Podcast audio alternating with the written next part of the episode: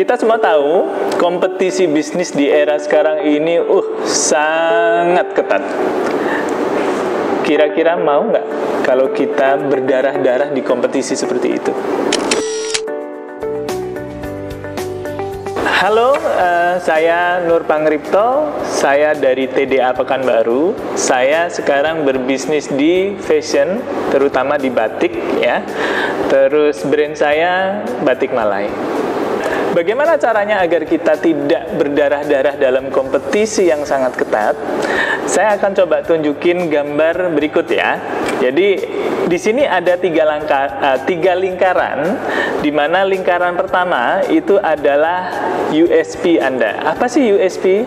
USP itu adalah keunikan produk Anda, keunggulan produk Anda, yang di mana biasanya ini sangat unik. Nah, contohnya apa? Contohnya misalnya adalah satu, bisa kualitas. Bisa juga dia itu jasa atau servis. Kemudian bisa juga harga, misalnya harga yang murah. Kemudian bisa juga limited edition atau terbatas. Nah, masih banyak lagi contoh-contoh lainnya yang uh, bisa diangkat sebagai USP Anda. Nah, lingkaran yang pertama ini adalah USP Anda atau keunikan produk Anda atau kelebihan produk Anda.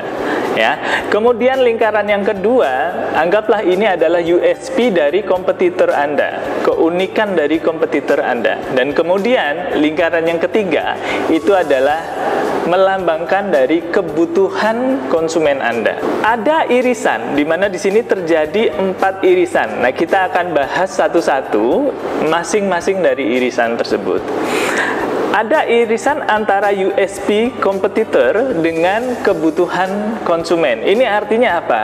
Artinya ada sebagian customer atau sebagian konsumen yang membutuhkan USP dari kompetitor Anda. Contohnya apa? Misalnya kita ngomong, oh uh, gamis atau baju muslim yang modis ya. Jadi ada konsumen yang membutuhkan produk gamis yang modis ya dan ternyata USP itu apa kebutuhan itu dipenuhi oleh produk dari kompetitor Anda Misalnya dia memang memproduksi eh, gamis-gamis uh, yang modis ya. Tapi di satu sisi ternyata USP Anda atau kelebihan atau keunikan dari produk Anda ternyata berbeda.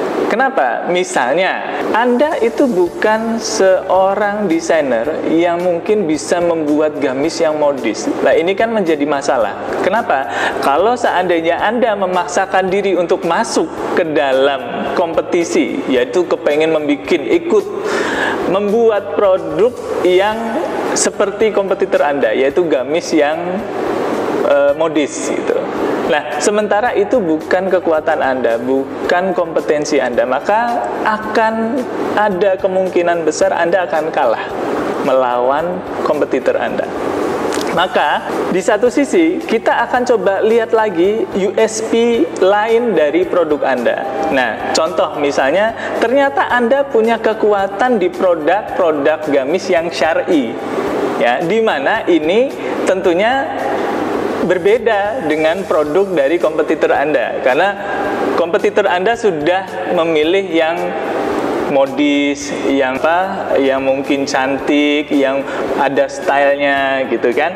Sementara itu tentunya berlawanan dengan syari karena biasanya syari kan sangat apa ya biasa ya uh, flat desainnya tidak bermacam-macam tidak ada hiasan-hiasannya aksesoris-aksesoris yang berlebihan kan tidak ada nah di sini kita bisa melihat bahwa ada konsumen juga yang membutuhkan itu. Kemudian ini adalah irisan yang terjadi yang uh, berikutnya. Ada ada empat irisan ya. Irisan pertama itu kompetitor dengan konsumen kemudian USP Anda dengan konsumen ya. Nah kemudian ada irisan yang ketiga yaitu irisan USP Anda atau produk Anda beririsan dengan USP kompetitor ini artinya apa? Ada uh, bagian dari produk Anda yang ternyata sama dengan kompetitor. Misal misalnya apa? Misalnya oh kainnya ternyata dari bahan tertentu yang uh, bagus. Misalnya premium misalnya. Tapi ternyata kompetitor Anda itu juga punya produk dengan jenis kain yang sama. Jadi ini adalah hal yang sama. Tapi di satu sisi kita melihat bahwa ternyata tidak ada irisannya dengan kebutuhan konsumen.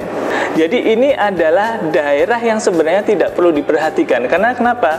Produknya sama dengan kompetitor, kelebihannya, fiturnya itu sama, tapi ini adalah fitur yang tidak dibutuhkan oleh konsumen. Jadi area ini dibiarkan saja, tidak perlu diperhatikan.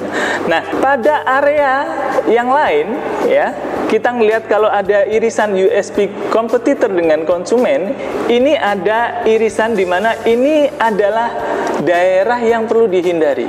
Kenapa? Karena ini bukan kompetensi Anda. Misalnya kompetensi Anda itu adalah hijab syar'i. Maka begitu Anda mencoba masuk ke hijab baju muslim yang tidak syar'i, yang modis, maka Anda tentunya akan kesulitan melawan di sini. Nah, kemudian ada area USP yang di mana itu beririsan dengan konsumen, produk Anda dengan kebutuhan konsumen ini beririsan. Nah, ini adalah area yang seharusnya diperkuat oleh Anda. Kenapa? Karena ini adalah fitur yang dibutuhkan oleh konsumen, tapi kompetitor tidak punya. Jadi kalau ini diperkuat, maka kompetitor ini akan kesulitan mengejar fitur atau benefit atau manfaat atau kelebihan yang dipunyai oleh produk kita. Ya. Jadi ini yang harusnya eh, teman-teman uh, perkuat fokus kepada kelebihan ini. Tapi ada sisi yang juga harus uh, dihindari juga sebenarnya bisa kita hindari tapi kalau memang kita kuat bisa juga kita masuki yaitu area yang tengah ya area yang tengah ini adalah daerah perang. Kenapa daerah perang? Pertama konsumen membutuhkan. Kemudian fitur dari produk ada ternyata juga bisa memenuhi kebutuhan konsumen tersebut. Dan ternyata kompetitor juga mempunyai kelebihan yang juga bisa memenuhi kebutuhan dari konsumen tersebut. Misalnya apa? Misalnya harganya sama misalnya. Kita ngomongin oh Anda pasang di harga medium, ternyata kompetitor juga masang di harga medium gitu. Maka sama-sama customer membutuhkan harga yang medium. Nah, itu bisa dipenuhi oleh kompetitor dan kita juga bisa memenuhi uh, memenuhi kebutuhan tersebut. Nah, ini yang akan menjadi area perang. Nah, kalau seandainya kita uh, fokus kepada area ini, maka ini yang disebut dengan area yang berdarah-darah atau kalau kita bilang sebagai red ocean. Nah, sebaiknya hindari ini dan lebih fokuskan komunikasikan produk Anda kepada benefit-benefit yang menjadi kekuatan Anda yaitu US USP Anda. Uh, demikian sedikit tips dari saya.